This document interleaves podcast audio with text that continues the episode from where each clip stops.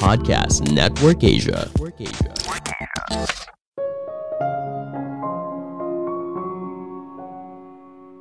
Sukses itu tidak terlihat mustahil ketika kamu telah mengkondisikannya di dalam pikiran.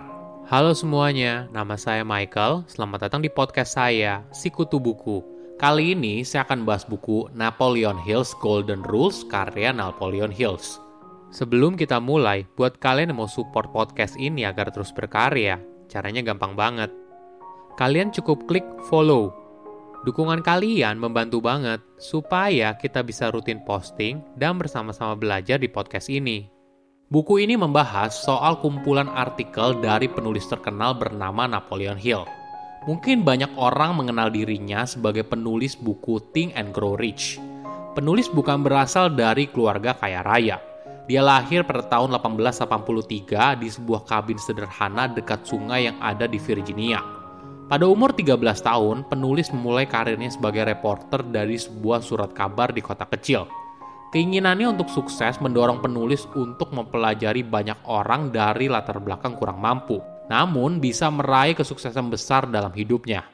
Inilah yang lalu membuat bukunya laku keras. Walaupun bukunya telah dipublikasikan pada tahun 1920-an dan 1930-an, namun masih relevan di era sekarang. Saya merangkumnya menjadi tiga hal penting dari buku ini. Pertama, kepercayaan diri adalah kunci. Apa tujuan hidup kamu? Mungkin ketika ditanya, banyak orang menjawab ingin kaya atau bahagia. Kabar baiknya, kamu bisa mendapatkan semua itu hanya dengan satu karakter, yaitu percaya diri. Mungkin kamu skeptis dan bertanya, memang seberapa penting sih percaya diri? Perspektifnya gini, jika kamu ingin meraih sesuatu dalam hidup, hal pertama yang penting adalah kamu harus percaya kalau kamu berhak mendapatkan hal tersebut. Nah, itu butuh kepercayaan diri. Bisa saja kamu bekerja keras siang malam, tapi tanpa kepercayaan diri, karirmu akan di situ-situ aja. Bisnismu tidak akan berkembang. Kenapa? karena kamu tidak berani mengambil peluang ketika ada kesempatan. Inilah yang akhirnya memberikan dampak pada hidup seseorang. Nah, gimana caranya? Gimana cara agar kita bisa jadi orang yang percaya diri? Mungkin bisa dimulai dengan menyadari kalau hidup dan kebahagiaan ada di tangan kamu, dan kamu bertanggung jawab atas semua itu. Sudut pandang ini akan membuatmu berhenti menyalahkan orang lain atau berharap orang lain bisa merubah hidup yang kamu jalani kamu bertanggung jawab atas kesuksesanmu sendiri. Penulis memberikan tips untuk meningkatkan kepercayaan diri melalui afirmasi. Secara sederhana, afirmasi adalah pikiran positif yang diulang terus-menerus hingga akhirnya hal tersebut menjadi kenyataan. Misalnya begini, saya yakin kalau saya bisa menyelesaikan semua komitmen yang saya buat sebelumnya. Saya yakin kalau saya benar-benar meyakini hal ini dan melakukannya dengan sungguh-sungguh, maka kesuksesan akan menjadi milik saya. Lakukan hal ini setiap hari terus-menerus. Tanpa kamu sadari, kepercayaan dirimu akan meningkat, begitu juga dengan kualitas hidup kamu.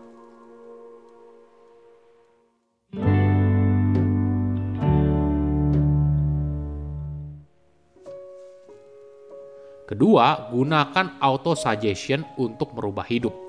Apakah kamu percaya kalau hidup bisa berubah dari pikiran? Ini adalah rahasia dalam mengubah hidup. Mungkin terdengar klise, namun ada sebuah tips yang menarik. Penulis sering kali melakukan auto suggestion.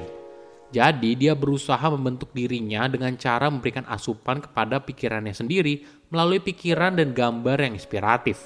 Sebagai contoh, Penulis rutin membayangkan dirinya duduk dan berbicara dengan tokoh terkenal dan inspiratif, misalnya dengan Abraham Lincoln, Socrates, Aristoteles, dan sebagainya.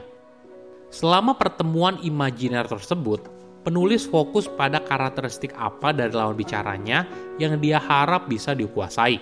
Misalnya, dalam contoh Abraham Lincoln, Penulis ingin dirinya memiliki sifat yang adil, membantu sesama, dan berani dalam menemukan cara baru saat mengerjakan sesuatu. Penulis melakukan hal ini setiap malam dan bertemu dengan tokoh yang berbeda. Suatu hari, penulis melakukan auto-suggestion kepada dirinya sendiri dengan membayangkan bertemu orator terkenal bernama Henry Ward Beecher. Henry dikenal sebagai salah satu pendukung untuk menghapus perbudakan. Setelah seminggu melakukan auto-suggestion, penulis merasakan ada yang berbeda. Dia menjadi lebih percaya diri ketika bicara di atas panggung. Hingga akhirnya penulis berhasil menerima tepuk tangan meriah dan undangan untuk jadi pembicara di acara yang lain. Auto-suggestion juga bisa membantu dalam menciptakan sebuah kebiasaan. Misalnya, selama ini kamu terbiasa begadang dan bangun dalam keadaan mengantuk Tentunya tidak mudah untuk mengubah jam tidurmu dan bisa bangun jam 6 pagi setiap hari. Coba lakukan ini. Beberapa kali dalam sehari, luangkan beberapa menit untuk membayangkan dirimu bangun dalam kondisi yang penuh energi, istirahat yang cukup, dan bisa menjalani aktivitas harian dengan penuh semangat. Ketika melakukan visualisasi ini, bayangkan dengan detail. Misalnya kamu bangun, meregangkan tangan dan kaki, lalu siap berjalan ke kamar mandi untuk mencuci muka dan sebagainya. Ketika kamu sudah mengkondisikan hal ini di dalam pikiran, maka akan lebih mudah untuk kamu bangun pagi dan perlahan-lahan ini akan menjadi kebiasaanmu yang baru.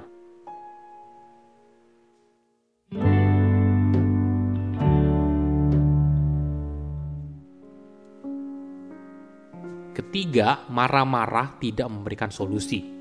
Coba bayangkan skenario ini kamu melakukan kesalahan dalam bekerja, lalu kamu diomelin habis-habisan.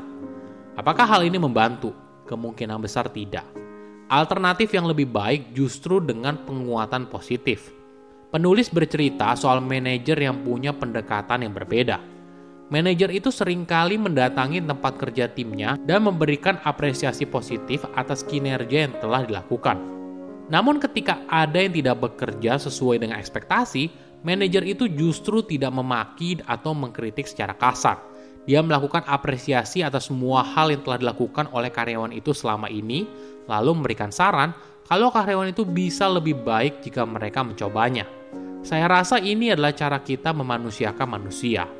Makian dan kritik secara kasar tidak akan menyelesaikan masalah. Yang muncul justru sakit hati dan itu berbahaya bagi atmosfer dalam bekerja. Oke, apa kesimpulannya? Pertama, percaya diri kunci kesuksesan. Perspektifnya gini, jika kamu ingin meraih sesuatu dalam hidup, hal pertama yang penting adalah kamu harus percaya kalau kamu berhak mendapatkan hal tersebut. Nah, itu butuh kepercayaan diri. Bisa saja kamu bekerja keras siang malam, tapi tanpa kepercayaan diri, karirmu akan di situ-situ saja.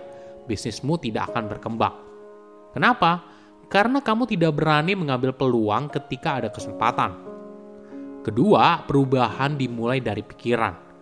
Untuk mengubah hidup, kamu tidak perlu memulainya dari hal yang besar. Kamu bisa memulainya dari hal yang paling sederhana, yaitu mengubah caramu berpikir. Salah satu triknya adalah auto-suggestion. Jadi kamu berusaha membentuk dirimu dengan cara memberikan asupan kepada pikiranmu sendiri melalui pikiran dan gambar yang inspiratif. Ketiga, marah-marah tidak ada gunanya Ketika ada orang yang salah, kamu mungkin tergoda untuk memaki orang tersebut. Namun cara ini justru kontraproduktif. Bukannya berubah, orang itu mungkin malah sakit hati, yang akhirnya membuat atmosfer kerja jadi memburuk. Saya undur diri, jangan lupa follow podcast Sikutu Buku. Bye-bye.